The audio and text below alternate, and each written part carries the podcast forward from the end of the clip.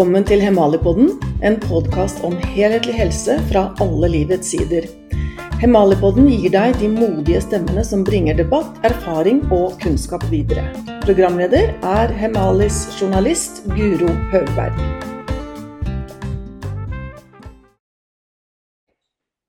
Jan Rå, velkommen til Hemalipodden.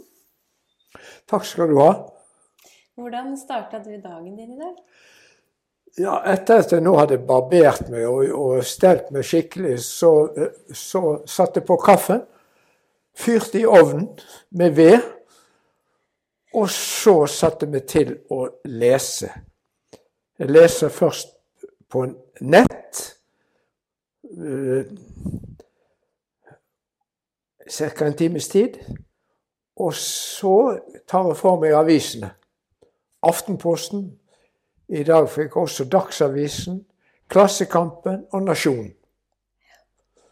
Så det er morgenritualet mitt. Da er jeg klar til å dykke ned i mer faglige spørsmål. Spennende. Så frokosten den venter du med til litt utpå dagen? Frokosten sparer du til litt utpå dagen, eller er det Den sparer jeg til sånn klokken ti cirka. Ja. Da tar jeg frokost. Og da er du gjennom avisene? Da er jeg gjennom det hele. Da har jeg hatt en eh, to-tre timer eh, med å gå gjennom aviser og alle nyhetssaker på forskjellige medier.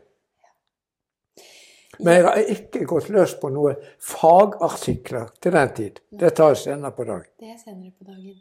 Så dagene dine, de ganske, eller morgenene dine er ganske like? De er, eh, jeg har fått en slik rutine, og den er veldig bra. Jeg føler at det er, Da vet jeg hvor verden, hvordan verden ser ut hver morgen når klokken er ti.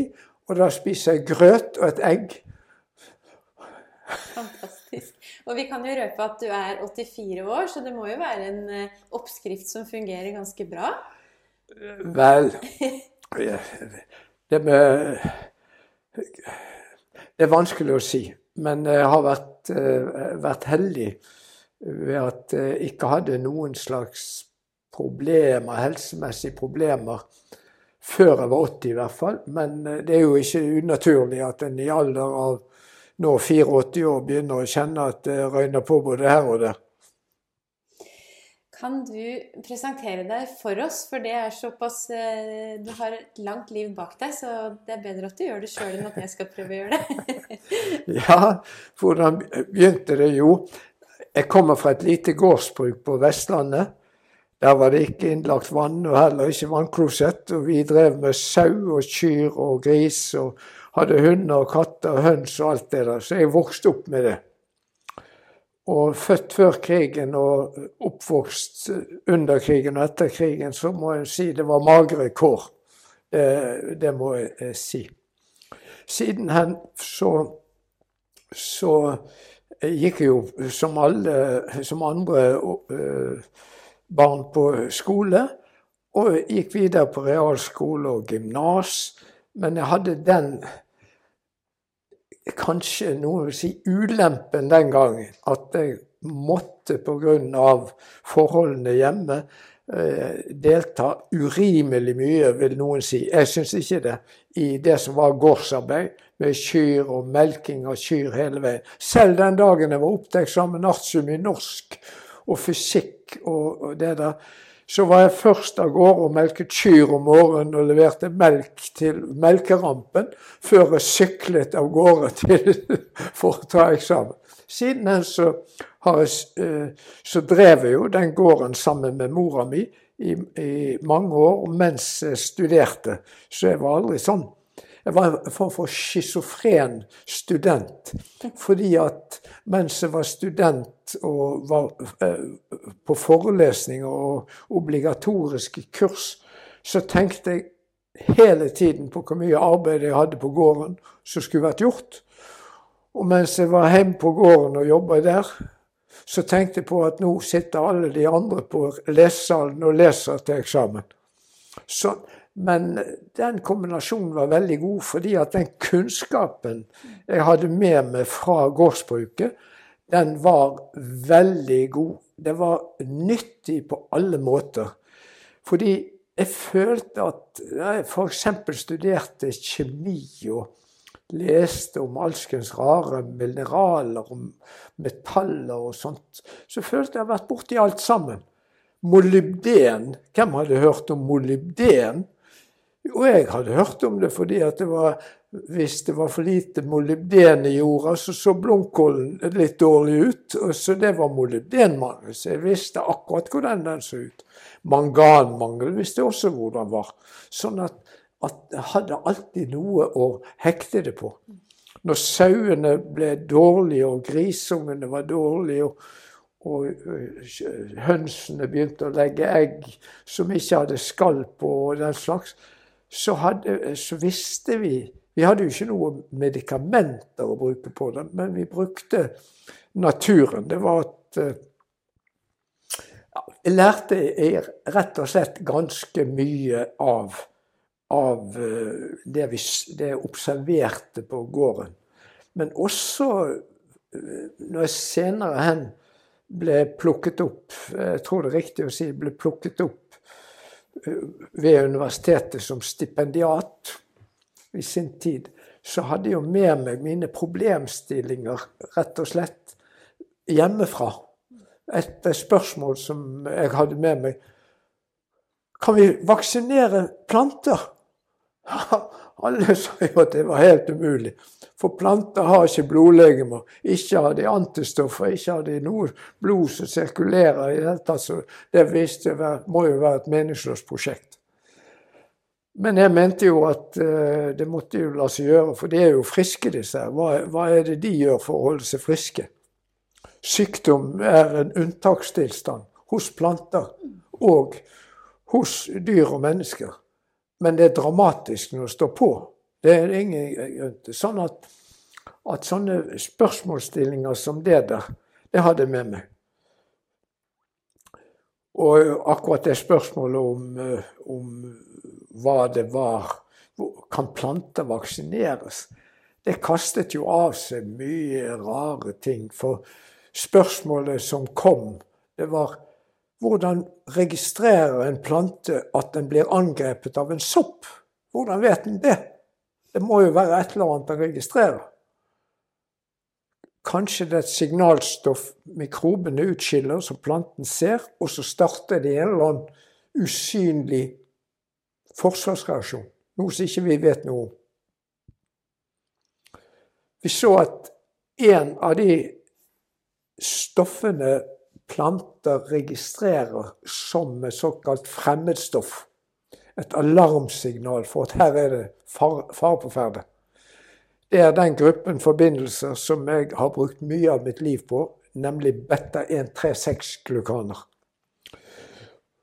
For det viser seg at planter reagerer på de, på de stoffene der som hører hjemme inne i soppceller, soppcellevegger, og ser at disse stoffene her det er et signal for at det er fare på ferde. Men det var et pålitelig signal, for sånne stoffer de finnes ikke hos planter. Det finnes ikke hos noen dyr. Så det er et helt pålitelig alarmsignal. Da jeg ble professor senere hen i, i Tromsø, hadde jeg tvert over gangen professor i medisin. Han het Rolf Seljelid.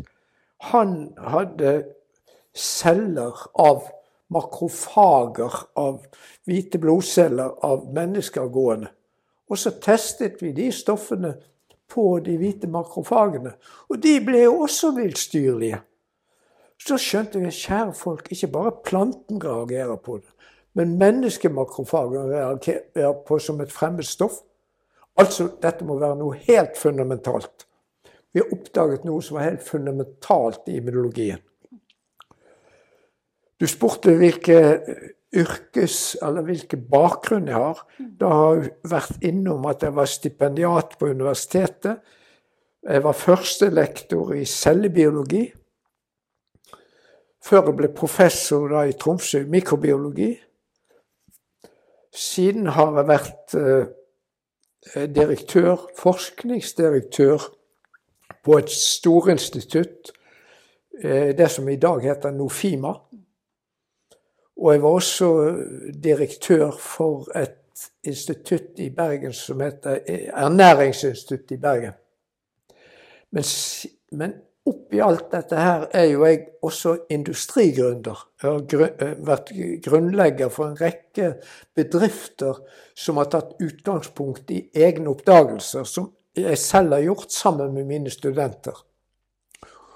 Så etter hvert så brukte jeg mye av min tid på disse selskapene, og ble også mot slutten, før jeg ble pensjonist, var jeg forskningsdirektør i ett av de selskapene som jeg sjøl hadde etablert, og som da var på Oslo Børs. Biotek Pharmacon het det. Men da kunne du tro at når jeg, når jeg gikk av med pensjon, som det heter Når du er 70 år, så må du jo, må du jo gi deg. Men jeg, jo, jeg, følte jo at det var jo litt eh, merkelig. Så jeg har jo fortsatt eh, etter den tid, i mange år, vært innom nye selskaper. Et med produksjon av marine oljer og marine smaksstoffer fra en, en, eh, en hoppekreps som fins i Nord-Atlanteren. Men det viktigste de siste årene har vært å se på hva er det som forårsaker disse forstyrrelsene som folk i den vestlige verden har inn, uh, i, i, i, tarmen, som leder til sånne livsstilssykdommer. Hva, hva kommer det av? Og da har jeg vært igjennom yrkesbakgrunn. Ja, jeg glemte forresten at jeg også noen, noen år var professor i marin biokjemi. Så sånn er det. og, og, Jan, da jeg inviterte deg til podkasten for noen uker siden, så sendte jeg deg en liste på e-post over temaer jeg kunne tenke meg å snakke om. Og så gikk det noen timer, og så fikk jeg lista mi tilbake med en annen rekkefølge enn jeg hadde sendt til deg. Oi. Så det er litt morsomt. Og et av de temaene vil, som sto på min liste, som faktisk sto ganske langt ned på lista, den satte du på toppen. Og det er klimamelk. Oh, ja. Vær så god. Kli, klimamelk, ja. ja jeg, når, jeg hørte, når jeg ble gjort oppmerksom på noe som het klimamelk, så ble jeg virkelig glad. For jeg tenkte at her er det endelig noen som har tatt til vettet. Og laget melk full av eh, fett fra kyr som går på beite. Men så viste det seg at det var jo helt feil. Dette er jo en form for orwellsk uh, nytale. At sannhet blir løgn, og løgn blir til sannhet. For klimamelk er altså melk av kyr som en har tuklet med i den hensikt å få de til å produsere mindre metangass som de raper ut. De er tuklet med. Og da tenkte jeg herregud, de som har gått på den, de har jo, de har jo akseptert uten noen innvendinger hele dette med det grønne skiftet, og at nå må alt gjøres for å få ned CO2 og metanutslipp. Uten å skille mellom gassene som kommer ut fra krigføring og jetfly og biler og sementfabrikker, og den, de gassene som kommer ut fra drøvtyggere som har vært her i alle dager sammen med oss. Dette er en total økologisk misforståelse. Det er en uforstand. Og jeg syns det er helt ille at en, har, at en har gått med på det. Og det er min generelle kommentar til det med klimamelk. Men så er det rent faglige, da. Ja, en drøvtygger, eller drøvtyggere, produserer kulldioksid, metangass og hydrogengass fra vommer, og den raper de ut. Disse gassene som kommer det ut, er helt nødvendige sluttprodukter i den prosessen som foregår i, i vomma. I vomma er en stor gjæringstank Der dannes det fullt av forskjellige fettsyrer som blir opptatt i kroppen på dyret, og blir en del av det som er typisk for innholdet i drøvtygger, kjøtt og melk. Nå skal en altså prøve å hindre eller påvirke den prosessen der som er helt fundamental for alle drøvtyggere, slik at de ikke produserer noe som er i mine øyne, jeg har vært professor i mikrobiologi, er et tegn på at det som foregår nede i tarmen, det er sunt og riktig. Fordi at metangass dannes bare dersom innholdet i vomma er helt fri for luft. Da er det bare de bakteriene vi kaller strikt anaerobe, altså de som kan leve uten oksygen, som lever der. De vil produsere helt nødvendig metan som et sluttprodukt. Så det er et tegn på at det er anaerob der. Det kan du gripe inn i. En forbindelse som griper inn i det, er nitrat som er bl.a. Eh, nitrat. Og den, nitrat erstatter oksygen. Den tar oksygenets plass og favoriserer de bakteriene i vomma som får mer ut av energien der ved at de bruker nitrat istedenfor oksygen. Så de blir alltid favorisert. Men de utkonkurrerer de som produserer metan. Så du har en forskyvning av mikrobesammensetningen som følge av nitrattilsetning. Og det er jo en form for eh, nitrattilskudd de bruker som en sånn nitrathemmer. Det er ikke en hemmer i, i egentlig forstand. Det er en substans som påvirker det mikrobielle økosystemet i vomma, slik at de, de bakteriene som produserer metan, ikke konkurrerer så godt lenger, og du får oppvekst av, uh, av andre. Så de kommer opp og holder metanproduserende. Det er per definisjon det som kalles dysbiose. Ja. Nå kan du si at det kan godt tenkes at kyr uh, lenge vil vise seg å uh, at de ikke tar skade av det der. I hvert fall ikke det vi legger merke til. Men jeg lever i den tro at du kan ikke tukle med helt fundamentale biologiske, økologiske prinsipper og prosesser i et sånt dyr, uten at det på en eller annen måte kommer, gir seg utslag i, i negative utslag. Men det aller viktigste, eller det er viktig nok, men, men i tillegg har jo dette at en har gått på denne økologiske villfarelsen at ku som raper metan og, og hydrogengass og CO2, kommer i samme kategori som utslipp som vi som mennesker etter den industrielle revolusjonen har sendt ut i atmosfæren. Kua skal ikke måtte svare for det. Dessuten er kua viktigere i det lange løp enn de andre. For det er kua med drøvtyggeprosessen vi til syvende år kan leve av. Vi lever ikke av betongen, og heller ikke av, av eh, jetflyene som raser rundt. Men dysbiose i kua sin tarm, hvordan kan det igjen påvirke melk? Det er, det, er ikke, er ikke godt å, det er, ikke godt å si. Jeg sier dette mer generelt fordi at endrer du Altså den melka som er naturlig for oss, mm. den produseres i ei ku som produserer metan i. Mm. Mm. Endrer du på det økosystemet, så vil du på en eller annen måte påvirke sammensetningen av melka òg. Og på kjøttet òg. At de kan si at dette vet de noe om allerede nå, ja, det skulle jeg likt å vite. Hvem som kan garantere langtidseffekten av dette her. Jeg vil i hvert fall ikke være blant de som sier at det gjør ingenting. Det har, det har ingen akutt virkning, dette her. Nei, den har vi hørt før i andre sammenhenger òg. Ja, ja, ja. Mm. Så jeg syns en skal være litt forsiktig her. Mm.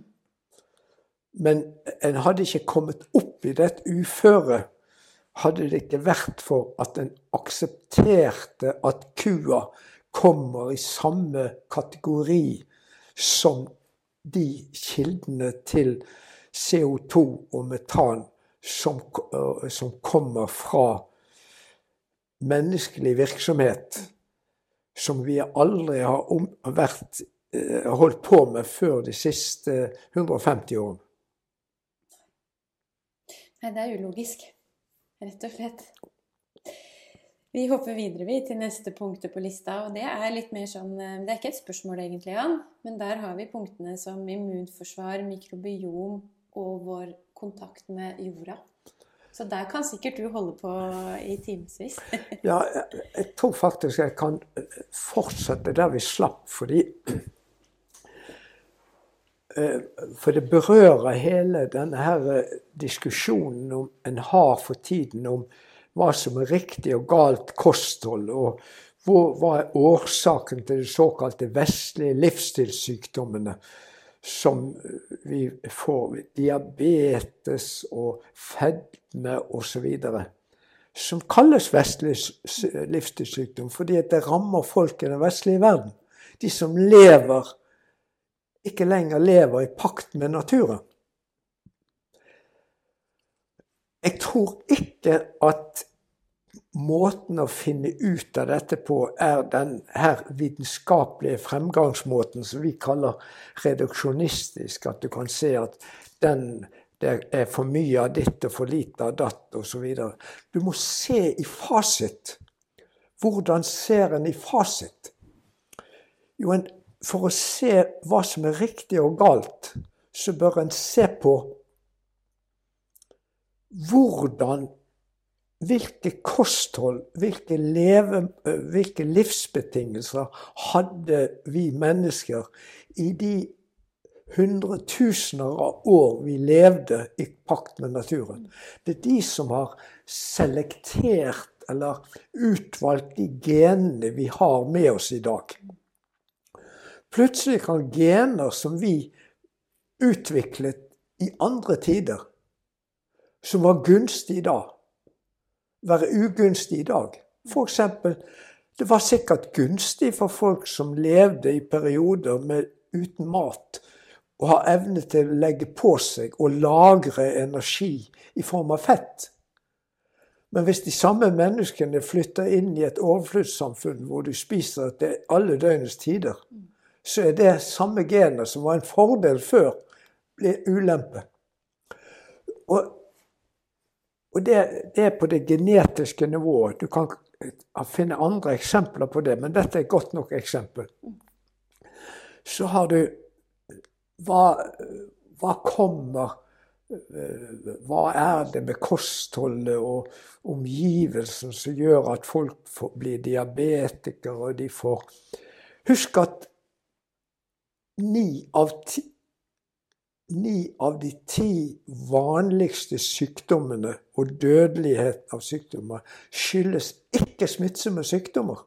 Det er sykdommer som er ikke smittsomme. Og i den kommer jo disse velferdssykdommene. Så det er noe at vi, vi har gått utenfor rammen av det vår biologi er skapt for. Da kan du spørre bør ikke alle som krangler om hva som er riktig og galt kosthold, stille seg spørsmål hva spiste folk før de fikk ultraprosessert mat? Før de fikk alt dette her? Er det noe her som, som vi aldri har fått før? Et aktuelt eksempel som jeg aldri har fått noe sånn skikkelig gehør for, selv om jeg holdt et foredrag om det i Vitenskapsakademiet i 2012. De såkalte omega-6 planteoljene de er poliumettede planteoljer som fins rikelige mengder i, soyaolje, f.eks. Kan de ha spilt noen rolle? Ja, da må jeg spørre Hvis du ser på forbruket av den type olje de siste 50 årene særlig siste ja, 50 årene så har det eksplodert. Det har gått rett til himmels. Kan det tenkes at det spiller en rolle? Hvis jeg måtte slutte der og si at det vet vi ingenting om, for da har vi bare en korrelasjon. Vi vet ikke om kausalitet. Men det er bare det at denne N6-fettsyren, som er nødvendig for oss, i nødvendig, men i små mengder, den bygges inn i kroppens cellemembraner.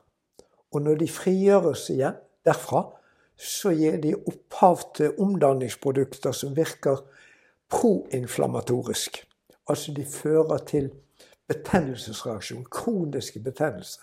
Hva er fellesnevneren for alle vestlige livsstilssykdommer? Alle sammen. Inflammasjon. Det er inflammasjon. Mm. Hvorfor får vi inflammasjon? Kan dette være en grunn? Her har du en korrelasjon. Det er, det er noe som Den har vi ikke fått i oss i de mengdene noen gang. Vi har økt innholdet av N6-fettsyre i vestlig verden 10-15-20 ganger i forhold til det vi har fått i oss i hele vår evolusjonshistorie. Kan det tenkes at kroppen reagerer som den gjør på dette? Hvorfor er det slik at disse N6-fettsyrene Det er ikke merket på, på, på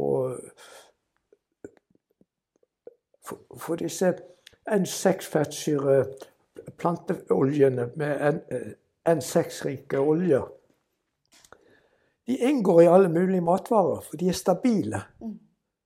De, harsk, de harskner ikke så rett, lett som marineolje. Omega-3 de lukter jo forferdelig etter kort tid. Så de kan du ikke bruke i kaker eller hva det måtte være for noe. Det er mye bedre å bruke soyaolje, for den harskner ikke så lett. Så her har du et spørsmål. Hvorfor vil en ikke snakke om det? Det er en hypotese. Men det er gjort ganske mange interessante eksperimenter hvor en har tilsatt omega-3-6-syre eh, til dietten til forsøksdyr. Og erstattet, med, eh, erstattet mettet fett, som skulle være så farlig. Og da blir jo dyrene feite. Så en har eksperimentelt belegg for det også. Men det har ikke vært diskutert i disse her eh, kostholdsrådene. Sånne ting. Det er bare ett eksempel. Gå tilbake, se hva, hva har vi som art blitt tilpasset? Hvis vi går for langt utenfor grensene på det som vi er økologisk tilpasset, så går vi kanskje utenfor grensen av det vi kan tåle også. Og det er kanskje den prisen vi Og da er sånn reduksjonistisk eh, vitenskap hvor en tester én og én faktor og ser om den er farlig og ikke farlig, og akutt toksisitet og sånn. Se på helheten. Når vi går utenfor de rammene som vi biologisk sett er tilpasset gjennom hundretusener av år, så går vi på akkord med det som vår genetiske konstitusjon er tilpasset. Det berører kua når vi, når vi tukler med eh, kua for å gjøre det til et produksjonsdyr. Tukler med dens fysiologi. Vi tukler med oss selv ved å fòre oss med, med fettsyrer eller fett fett og oljer som vi aldri har fått i oss disse mengdene av. Vi har alltid fått i oss eh, omega-6-fettsyre fra planter. Alltid. Men ikke i de mengdene som vi snakker om nå. Det er noe nytt. Derfor så må du interessere deg for det. Det her er en av tingene en må, må se på.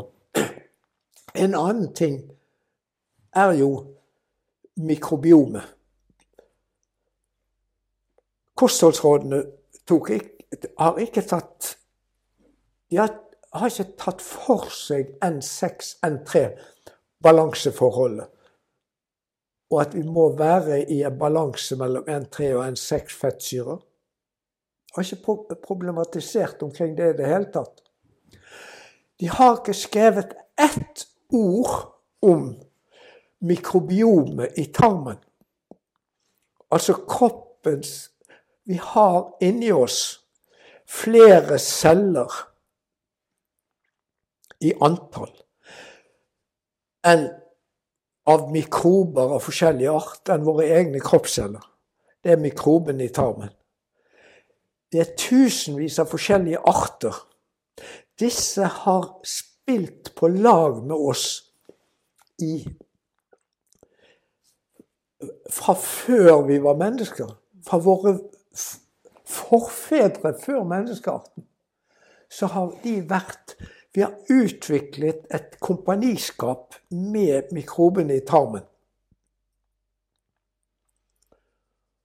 Og så skjer det et eller annet.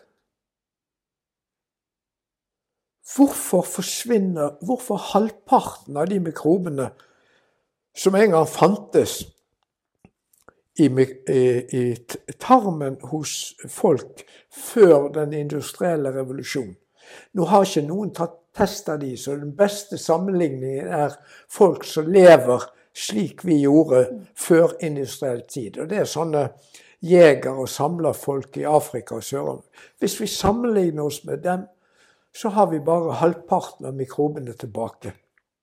Og konsekvensen av det for menneskekroppen? Ja, vi vet at helsetilstand og evne til å motstå infeksjoner av uansett er avhengig av en rik tarmflora. Jo flere forskjellige mikrober du har der, jo bedre er det. Og det begynner det å bli ganske bred enighet om? Vi diskuterer ja, ikke det like mye lenger nå? Er, men den har sittet langt inne. Ja. Fordi at uh, en har hatt dette her, denne forestillinga at mikrober de er noe som er farlige for oss. Mm. Det finnes noen få som er veldig farlige, og de skal vi styre unna. Og det er mange måter å styre unna de på. Men vi må ikke stelle oss slik at vi tar livet av de som er våre venner, de som beskytter oss. Og de lever Jeg snakket om tarmen. De lever på huden vår. De lever i armhulene våre. Og slutter en å bruke deodoranter, så tror jeg jeg skal si at etter en viss tid så har du tilbake en naturlig flora der som ikke lukter stygt. Det er en overgang. Ja. ja. Men, så, men det snakket de heller ikke om. Hva er det med kostholdet i dag som gjør at vi ikke bare utarmer mikrobefloraen i, i eh, tarm og på hud? Hva, hva, er det med kostholdet som gjør at vi utarmer det i, i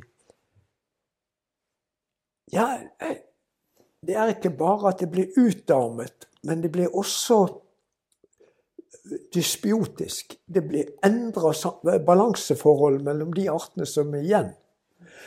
Det som vi i dag vet, det er at typisk for alle vestlige livsstilssykdommer er en dysbiose, en forskyvning i, i, mellom arter i tarmen. I retning av arter som er tilpasset inflammasjon. Så inflamma svake inflammasjon har altså selektert arter som tåler inflammasjon. noen slike arter, men, men disse artene de konkurrerer ut arter som er veldig viktige for oss for å hindre inflammasjon. En nøkkelart er en strengt anarob, altså en som ikke tåler oksygen. Han har et så flott navn som fekalibakterium prausnitzi. Den lever i tykktarmen hos oss. Den produserer uh, smørsyre som cellene i, i tarmveggen bruker som energikilde. Den virker antiinflamatorisk. Den motvirker inflammasjonsreaksjoner. De går ned. Typisk for, for uh, uh, floraen i tarm hos mennesker med vestlige livsstilssykdommer et tap av f.eks. den arten. Spørsmålet er hvordan kan du få den tilbake? Det var det jeg skulle spørre om nå. Ja, ja noen, har, noen, har, prøvd. Men det som er så innmari vanskelig med den, det er at den ikke tåler spor av oksygen, surstoff. Ja. Så når du skal dyrke den og forsøke å lage et probiotikum og du skal føre inn, så dør de tvert en lite spor av oksygen. Ja.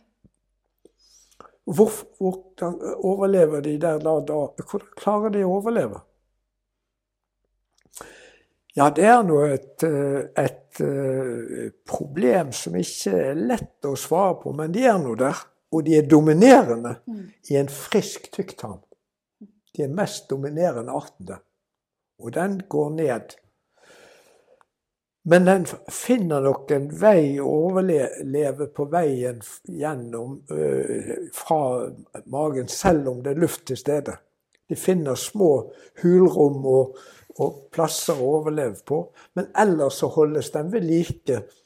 Fordi at tykktarmen vår er å sammenligne med ikke direkte, men med kuvommer. Det er et eget fermenteringskammer.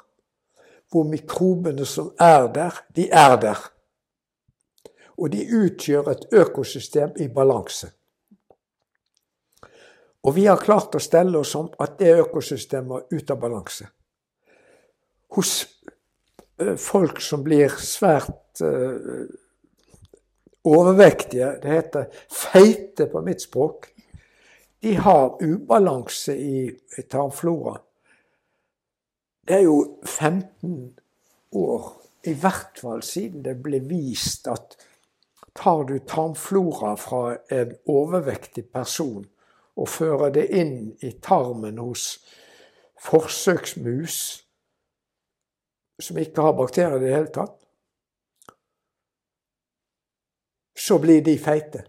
Men hvis du tar de tilsvarende bakterier i samme gruppe, en tilsvarende gruppe fra en uh, normalvektig eller mager person, så blir ikke de mus, musene der feite. De blir magre. Det, men de får det samme dietten. Så, så samme dietten kan gi ei feit mus eller ei mager mus. Så det er ikke dietten som er avgjørende. For vi har jo lært at uh, å slanke seg, det er at man får, bruker mer enn man tar inn. Men hvis man har en dysbiotisk tarm, så er ikke det å slanke seg nødvendigvis så enkelt? Da? Nei, det er, det er vanskelig å svare på fordi at uh, å slanke seg er jo aldri noe folk har drevet med. Nei, ikke sant. Det har ikke vært behov for det? Nei. Nei. Det har alltid vært behov for å få i seg mest ja. mulig mat for å holde det gående. Mm. Så å slanke seg er en moderne oppfinnelse. Mm. Det er en idé om at en skal slanke seg. Og tanken er jo den at hvis en eh, tenker som en sånn som vi lærte i fysikken, et bombekalorimeter. Der, der regner du ut hvor mye kalorier er det i det som kommer inn, hvor mye kommer det ut, hvor mye bruker du. Du må ikke ta inn mer enn det du forbruker, og det som kommer ut igjen. Hvis du det gjør, så blir du feit. Men det stemmer jo ikke. Det stemmer jo ikke. Det er mer komplisert enn det. Så det er en forenkling som var løp, så, løp, løp for alt du, alt du alt du kan få av, av det fettet. Kanskje det er forstyrrelser i hele dette finstemte økosystemet vi er rundt på, som er årsak til at folk blir feite. Det er jo der en må gripe inn. Og, og da Ja. Jeg har jo lyst til å komme med sånne Er det så bra å løpe så forferdelig fordi at en skal da komme fra øh, kvitte seg med noen kalorier, og dermed så skal en gå ned i vekt, og det er sunt. Altså med en eldre herremann sa at uh, han var 100 år da han ble intervjuet. Han ble spurt om hvordan han kunne holde det gående så lenge. Du har vel trimmet mye? Nei, alle mine venner som trimmet, de er nå døde. Så det var nå en kommentar til trimmingen. Men igjen er fellesnevneren det. Tenk biologi. Var det noen som slanket seg under krigen? Var det noen som slanket seg da jeg vokste opp etter krigen og før 1950? Det var, det var jo en kamp om å få nok mat i seg. Og det å ta fettet vekk fra melka, det vil jo være helt forferdelig. Det vil jo Altså, tar du, tar du fløten fra barnet Vi må jo feite den opp. Han må jo få fløte. Men nå er jo fløte blitt farlig. Og hvor den ideen kommer fra, det har jeg aldri klart å forstå. Vi har spist metta fett, og, og metta fett fra, fra, melk og fra drøvtyggere. Og Hvorfor er det blitt så farlig? Jeg, jeg, forstår det ikke. Det kan det ikke være. Det det er i hvert fall ikke i tråd med, med vår evolusjonære arv. For hva var det vi fikk? Var vi veganere? I hvert fall ikke mine besteforeldre som kom fra en gård i Ytre Sogn, langt til fjells. De levde på melk og kjøtt, og de bytta til seg ei tønne med sild fra, fra, fra, kystfiskeren. Det var det ene. Og, og, og de fikk jo noe omega-3 gjennom det de bytta til seg. men Ja, jeg, jeg tror jeg tør si at sammensetningen, den dietten som de hadde der, den avvek ganske fundamentalt fra de norske kostholdsrådene. Mm. Men jammen ble de gamle. Hvis de først overlevde barneårene mm. Det som fikk ned gjennomsnittsalderen Altså regnestykket som den fremfører, det er jo at folk ble ikke så gamle før i gamle dager. Vikingen ble jo bare 29 år. Og i 1850 var det gjennomsnittlig levealder i Norge 49 år. Men hvis du ser på hvor mange som Hvis du tar vekk de som døde de første fem leveårene, og ser på hva var gjenværende levetid, for de som rakk å bli 60 år, så er ikke forskjellen på 1870 og 1970 særlig stor, altså. Men barnedødeligheten var et resultat av infeksjonssykdommer. Eh, og klarte du deg forbi den, og også gikk klar kanskje av tuberkulose senere hen, og, og, og kopper, det tok sin toll, så var, det, var, var levealderen ganske god. Gjenværende levetid var stor. Det var jo den statistikken som er, er interessant. For alle vet at uh, under dårlige uh, vilkår, både hygienemessig og på alle måter, så døde ungene. De fikk mange unger den gangen. Og mange døde. De regnet med at hvis jeg fikk de to til tre til å vokse opp, så gikk det videre. Så de var inn, eh, men å telle med alle de som døde i den gjennomsnittlige levealderen, det er egentlig en, å, å, ikke være helt det er ikke riktig bruk av tall. For hvis vi skal se på om folk som dør av livsstilssykdommer, så er det å sammenligne med gjenværende levetid etter de f.eks. er 50 år. Det er interessant at gjenværende levetid for kvinner i 1870 Det har vi statistikk for, finnes i Statistisk sentralbyrå. Den var kortere enn for menn som var 20 år. Men ikke gjenværende levetid etter de var 50. Da kvinne, hadde kvinnene lengst gjenværende levetid. For de døde i barselseng. Som bidro til at dødelighet for kvinner gikk ned. Men dette her er med bruk av statistikk. Bruk av statistikk, den kan jo brukes til alt. Men, og det er klart at jeg har jo blitt møtt ofte Ja, men de ble ikke så gamle, de ble jo bare 40 år. Nei, det er ikke rett. De døde da var barn. Det er statistikken som sier at gjennomsnittet ble 49 år i 1850. Og denne statistikken blir jo gjerne brukt til fordel for eh, moderne medisin. At det beviser at den virker, fordi vi Ja, ja jeg har stått eh, om det at eh, økt levealder er et resultat av, av, uh, av medisinske fremskritt. Og det er klart at, at medisinske fremskritt har virkelig klart å holde liv i gamlinger som meg lenger enn de ellers ville holdt Det er det ingen tvil om. Det er ingen tvil. Moderne medisin har gjort det. Mm. Helt klart. Og, eh, men eh, Så det har, det har absolutt bidratt.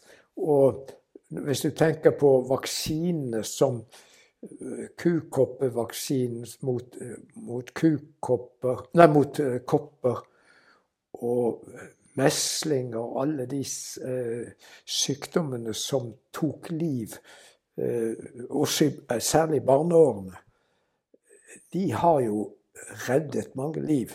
Det har de gjort, og bidratt til at gjennomsnittlig levealder er blitt høyere. Det er det ingen tvil om. Og tuberk eh, tuberkulosevaksinen eh, også har jo gjort det.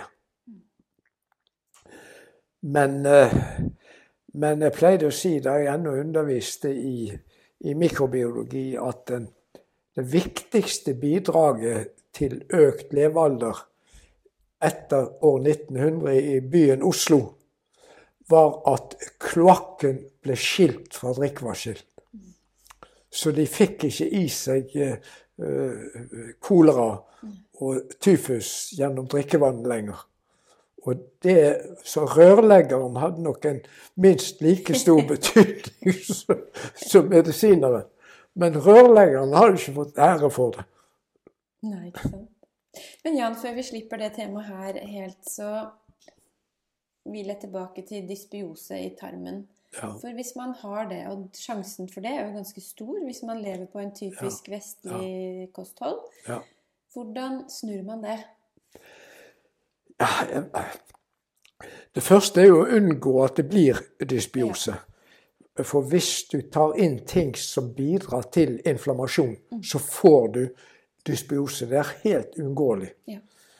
Det er veldig, er veldig viktig å være klar over at mange av disse tilsetningsstoffene som har vært brukt i prosessert mat, som karboksymetylse, kargenan osv. Det er jo stoffer som har vist seg å være svakt inflammatoriske. Og hvordan de kan klare å frikjenne dem, det er jo fordi de, de har testet dem på akutt toksisitet. Det er jo ingen som har sett på hvordan disse her virker på hele dette økosystemet. Jo, det er jo noen som har gjort det. Men det har ikke hatt noe gjennomslag i hele bedømmingen av dette. Men jeg kan jo si at så unngå det, så er det jo ikke bare Da sier en ultraprosessert mat. Mm. Vel, men i den ultrapresiserte maten har han også tilsatt stoffer som virker uh, svakt inflammasjonsfremmende. Og det kan være de som er de mest aktive i ultraprosessert mat. Men jeg tror selve ultraprosesseringen også bidrar. Men det er en annen historie. Så en må unngå slike ting. Men en må også unngå ting som en har tilsatt matvarer for å, for å øke holdbarhet. Altså Vi har jo f.eks. i brød så er det tilsatt propionsyre for de skal ikke eh, mygle så fort. Propionsyre virker jo antimikrobielt. Men det er også tilsatt i alle mulige ting, og så er det jo stoffer som skal øke holdbarheten. Og det er jo alt sammen ting som påvirker mikrobene.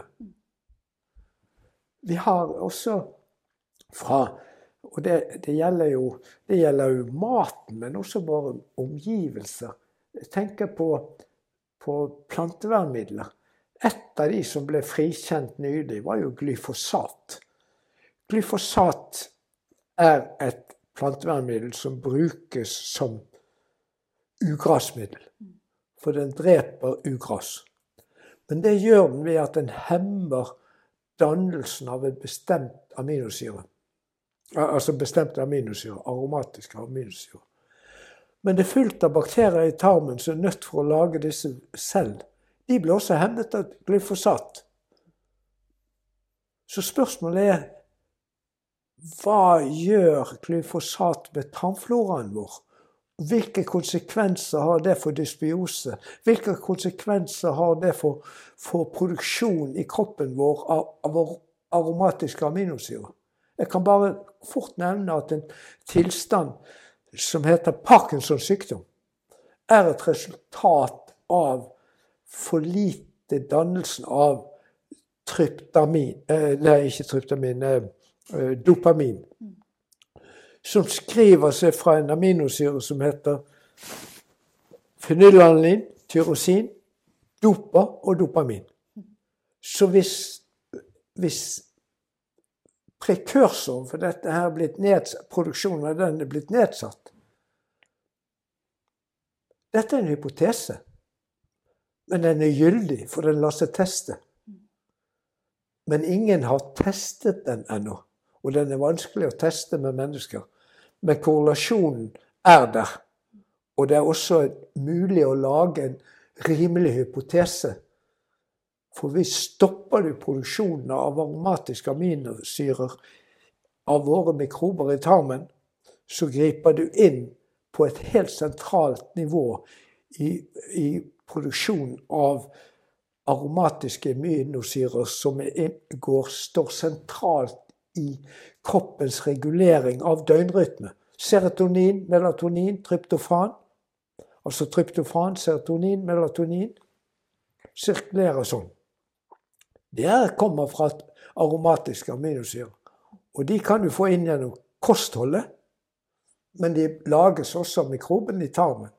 Hvor mye hver av de bidrar, det er vanskelig å si. Så konklusjonen må være ta tilbake råvarene? du må ta tilbake råvarene. Mm. Fordi eh, Du må ta tilbake råvarene. For de sykdommene vi da kaller vestlige livsstilssykdommer eh, Jeg kan ikke se bort ifra at det var noen som hadde noe av det der i, i 1850 og før den tid. Men det var jo ikke slik at det var det de døde av. De døde ikke av fedme, diabetes osv. nedover listen. Eller hjerte-karsykdom. Noen eh, døde sikkert av hjerte-karsykdom den gangen også, men det var ikke en epidemi av det.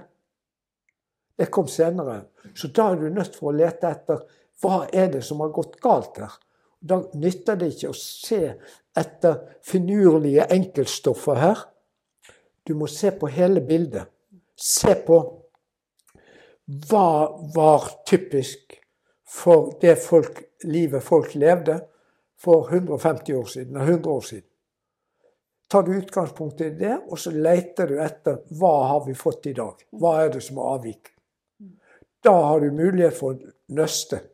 Men du kan ikke gå den andre veien og si at du, du tar utgangspunkt i, i eh, ernæringsråd som er vitenskapsbasert basert på sånne reduksjonistiske forsøk, og så tvinne tilbake. Du har fasiten der.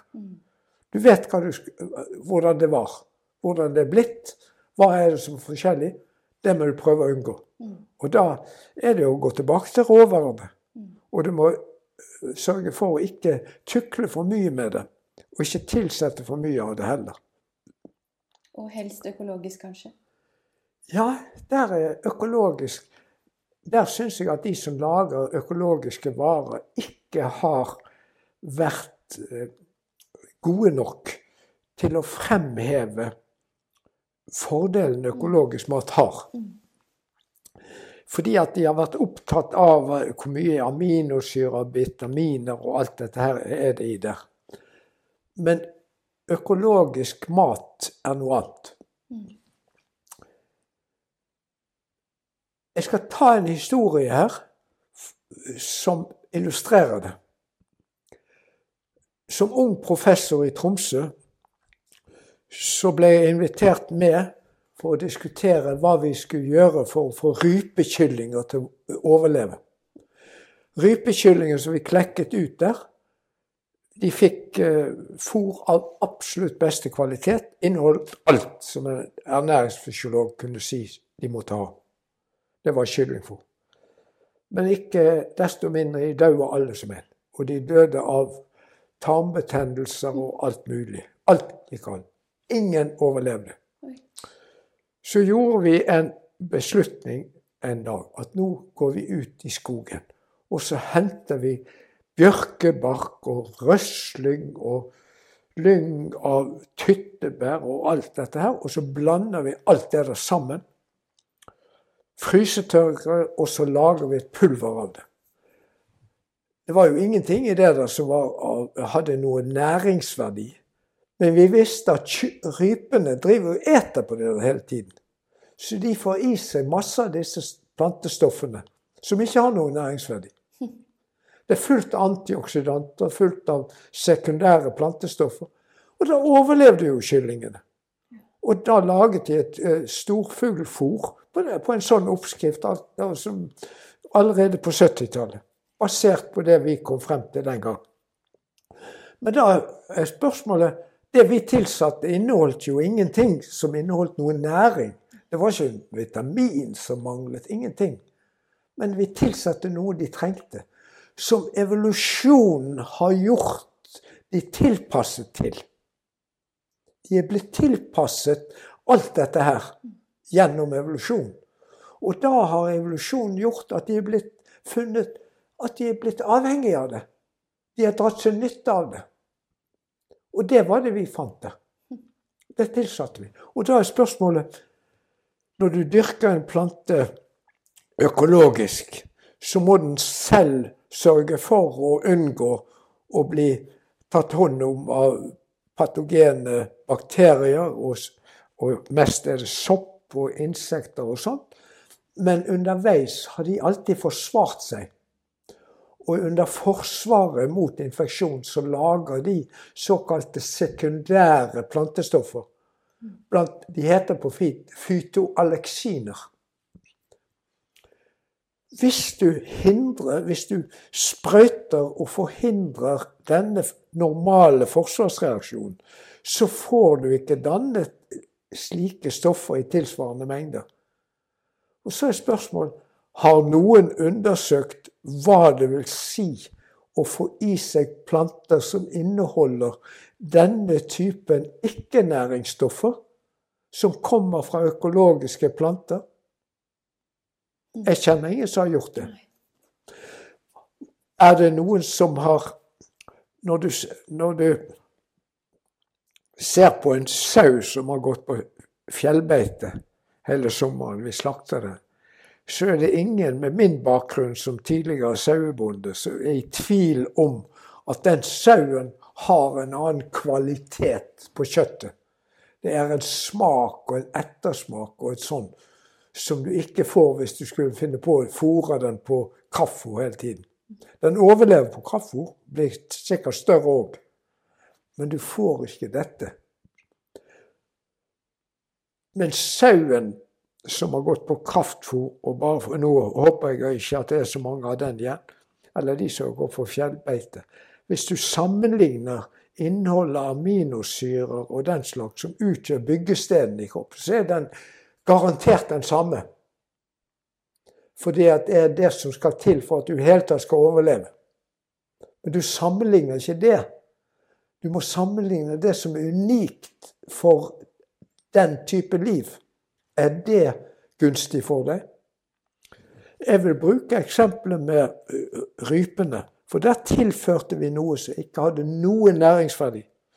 Inneholdt bare alskens greier med antioksidanter og flavoner og flavonoider og kinoner og hele pakka var oppi der. Ligniner, alt var med. Og da overlevde de. Men de fikk ingen næring av det. Men de overlevde. Interessant. Vi skal skifte litt tema, Jan. Ja. Vi skal eh, over på mRNA-vaksina. Hvor mye tid har vi?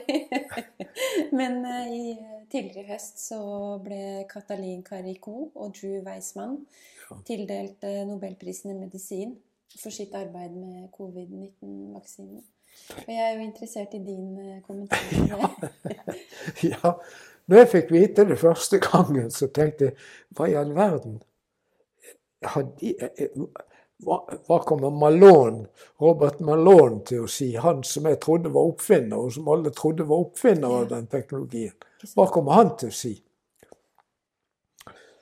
Men uh, han, han, sa ingenting til å begynne med. Men, men så tenkte jeg på, på Når de sto på, på, på Karolinska institutt og kunngjorde dette her, så fortalte de at denne vaksinen reddet millioner av liv. Mm. Så tenk, hva i all verden er det de sier? Hvor har de det fra? Noen må spørre dem.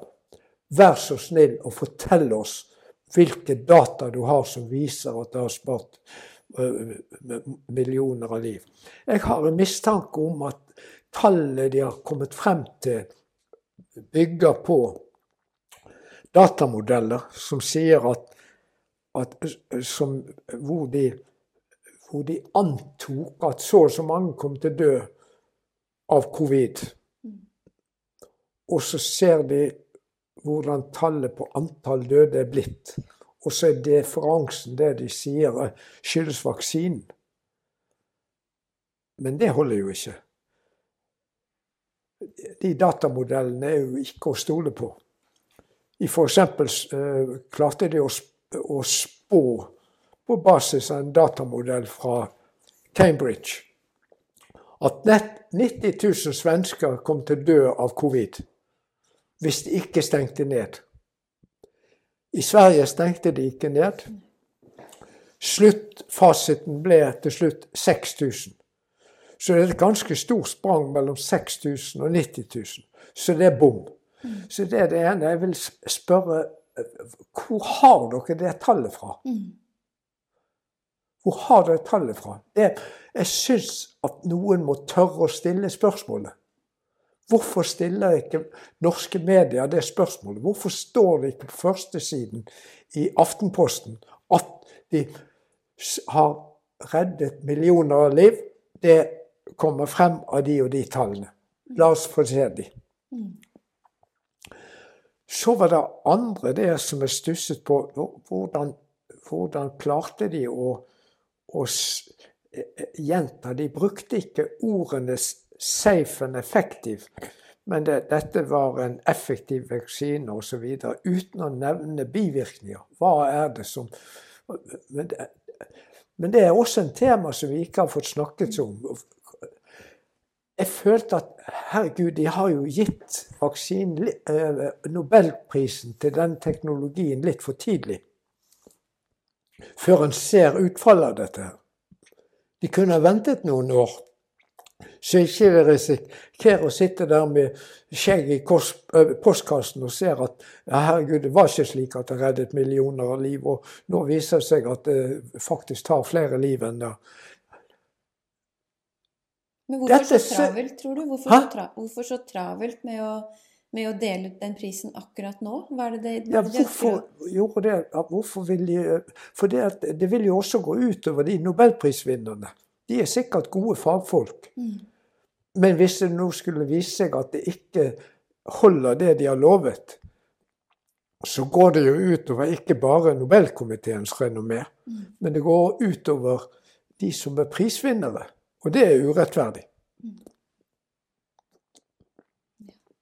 Tror du vi noen gang vil se den debatten offentlig?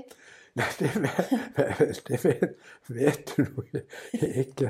Det er så mange sterke krefter involvert her. Men, men bare tenk det på, igjen tilbake til denne, her, denne fellesnevneren. Dette med se på hvordan kroppen fungerer, hvordan naturen fungerer. Hva har han gjort her? Jo, han har tatt ut oppskriften fra virusgenet. Oppskriften på å lage et protein som finnes i over, eh, overflaten på virus, viruset, piggproteinet. Den oppskriften går det an å lage syntetisk i laboratoriet nå, og det er slik de har laget vaksinen, uten å komme inn i detaljene der. Så har en injisert det, det der genet, virusgenet, inn i kroppen. For dermed å få kroppens egne celler til å lage viruset piggprotein. Virusprotein er jo et fremmedstoff i kroppen. Så immunapparatet vil jo da reagere på fremmedstoff og begynne å lage antistoff. Og det var jo hele hensikten. Mm. Å få kroppen selv til å lage det som du ellers tilførte gjennom vaksine. Antigenet. Mm. Og så lager det en antistoff. Det føler jeg er en risikosport, men det er en del av det vi må se i årene fremover. Hva, hva blir fasiten av dette her? Hvor lenge blir dette mRNA værende der? Det mRNA som du sprøytes inn, den er jo også modifisert, den er tuklet med. Og De fikk jo nobelprisen ved at de har gjort dette mRNA mer stabilt, slik at det varer lenger i kroppen. For kroppen har jo for sånt kommer jo aldri inn, inn i kroppen. Det må jo inn med en nål. Vi støter på et virus i kroppens overflater. Det er der vi treffer dem. Men da treffer vi ikke genet. Men hvis genet kommer der, så vi jo, er vi utstyrt med enzymer i overflaten som bryter ned det genet fortere enn svint. Og det var jo en del av problemet med å lage den vaksinen. At mRNA fra Eh, altså den mRNA-vaksinen. At mRNA du sprøyter inn i kroppen, blir brutt ned med en gang av enzymer du selv har i kroppen, for å beskytte deg mot mot fremmedgener. Så hvordan fasiten av det der blir i kroppen vår, det er naturlig igjen. Det er å tilføre det som skal beskytte deg, gjennom på samme måten som du blir smittet naturlig. Mm. Mm. Og det er gjennom slimhinnene.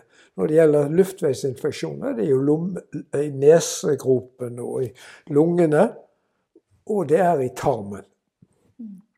Så spørsmålet er går det an å vaksinere på den måten. Jeg mener jo det. Jeg har brukt en god del av min tid som, eh, som forsker og se på det. Utvikle metoder for å vaksinere gjennom eh, neseslimhinnene og, og tarmen.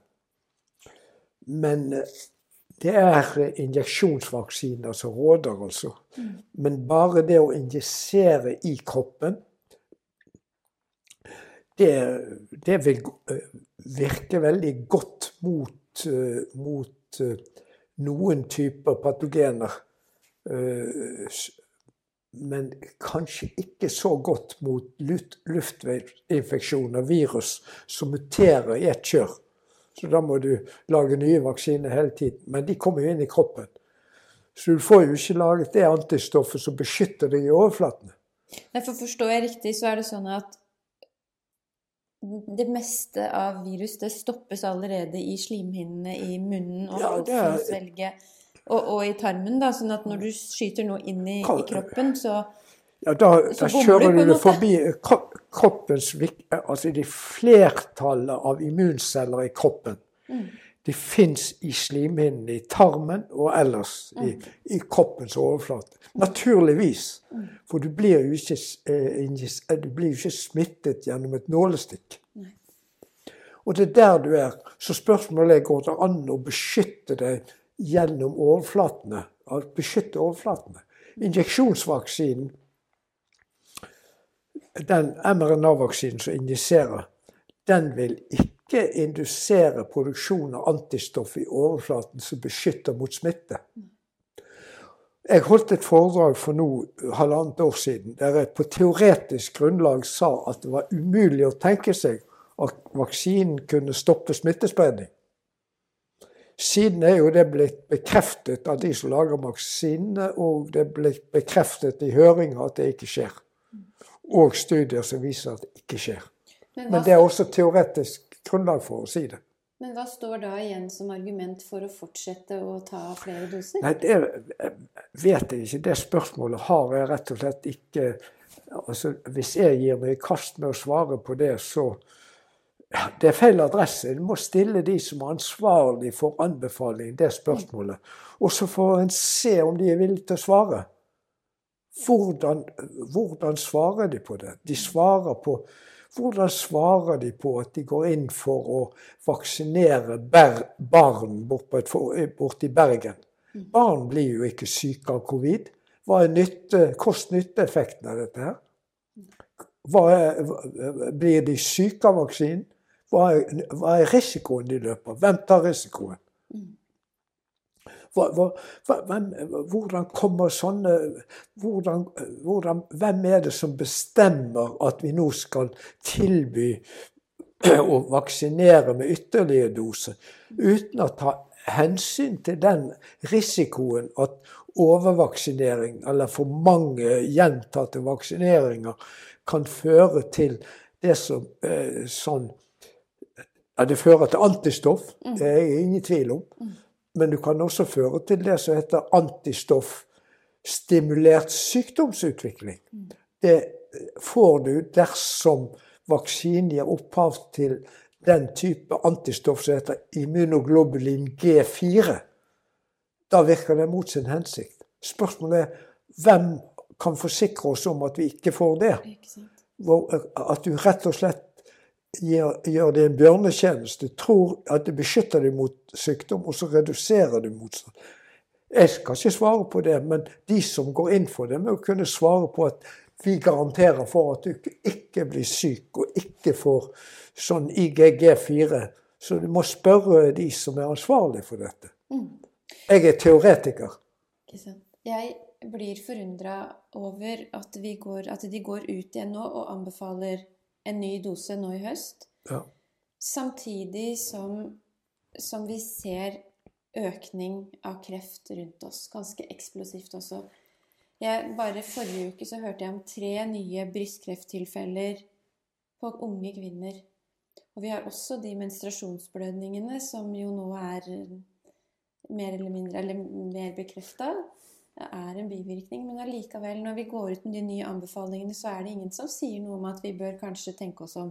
Det er bare Ja. kjør på. Men igjen er det, er det slik at det går an å lage uh, teoretiske modeller som forklarer at det kan være en sånn sammenheng. Men, det, men det er alltid mulighet til å avfeie det der som det der er korrelasjoner. Det er ikke noen slik sammenheng. Men spørsmålet må ikke stilles til en type som meg. Jeg kan forklare biokjemisk at muligheten for at en vaksine kan redusere T-celleresponsen i hud hos folk, og redusere det, det kan jeg forklare. Men jeg kan ikke si at det, det er årsaken til at krefthyppighet tiltar. For den statistikken finnes et eller annet sted. Men Jeg har ikke etterspurt den, eh, og jeg vet ikke om noen har fått fatt den heller. Nei. Jan, vi har eh, holdt det gående i godt over en time. Så jeg får kanskje invitere deg seinere anledning til å snakke om flere av de tingene jeg har på lista mi. Så jeg går rett og slett til avslutningsspørsmålet, og det er eh, hva er det viktigste enkeltgrepet du gjør for helsa di akkurat nå? Nei, jeg vet ikke om jeg gjør noe enkelt grep. Men jeg sørger i hvert fall på å lage all maten min fra grunnen av. Det gjør jeg. Og jeg kjøper bare råvarer Ja. og lager fra grunnen av. Men ref det vi har snakka om i dag, så må jo det være noe av det beste du kan gjøre for helsa di. Ja, ja, det er jo det. det, er jo det. Men jeg jogger ikke. Nei, men er ikke det egentlig bra å la være, da? Jeg vet ikke. Men jeg jobber i hagen om sommeren, så jeg er sesongarbeider. Mm. Jeg er veldig fan av naturlig bevegelse. Det får du mye av i hagen, da. Ja, det er naturlig bevegelse. Det er jeg tilhenger av. Mm. Derfor hogger jeg ved også, Ja, det og er, fyrer i ovnen. ikke sant? det er aller høyeste grad naturlig. Jan Rå, tusen takk for at du ville være gjest hos Semalipodden. Fint. Takk skal du ha.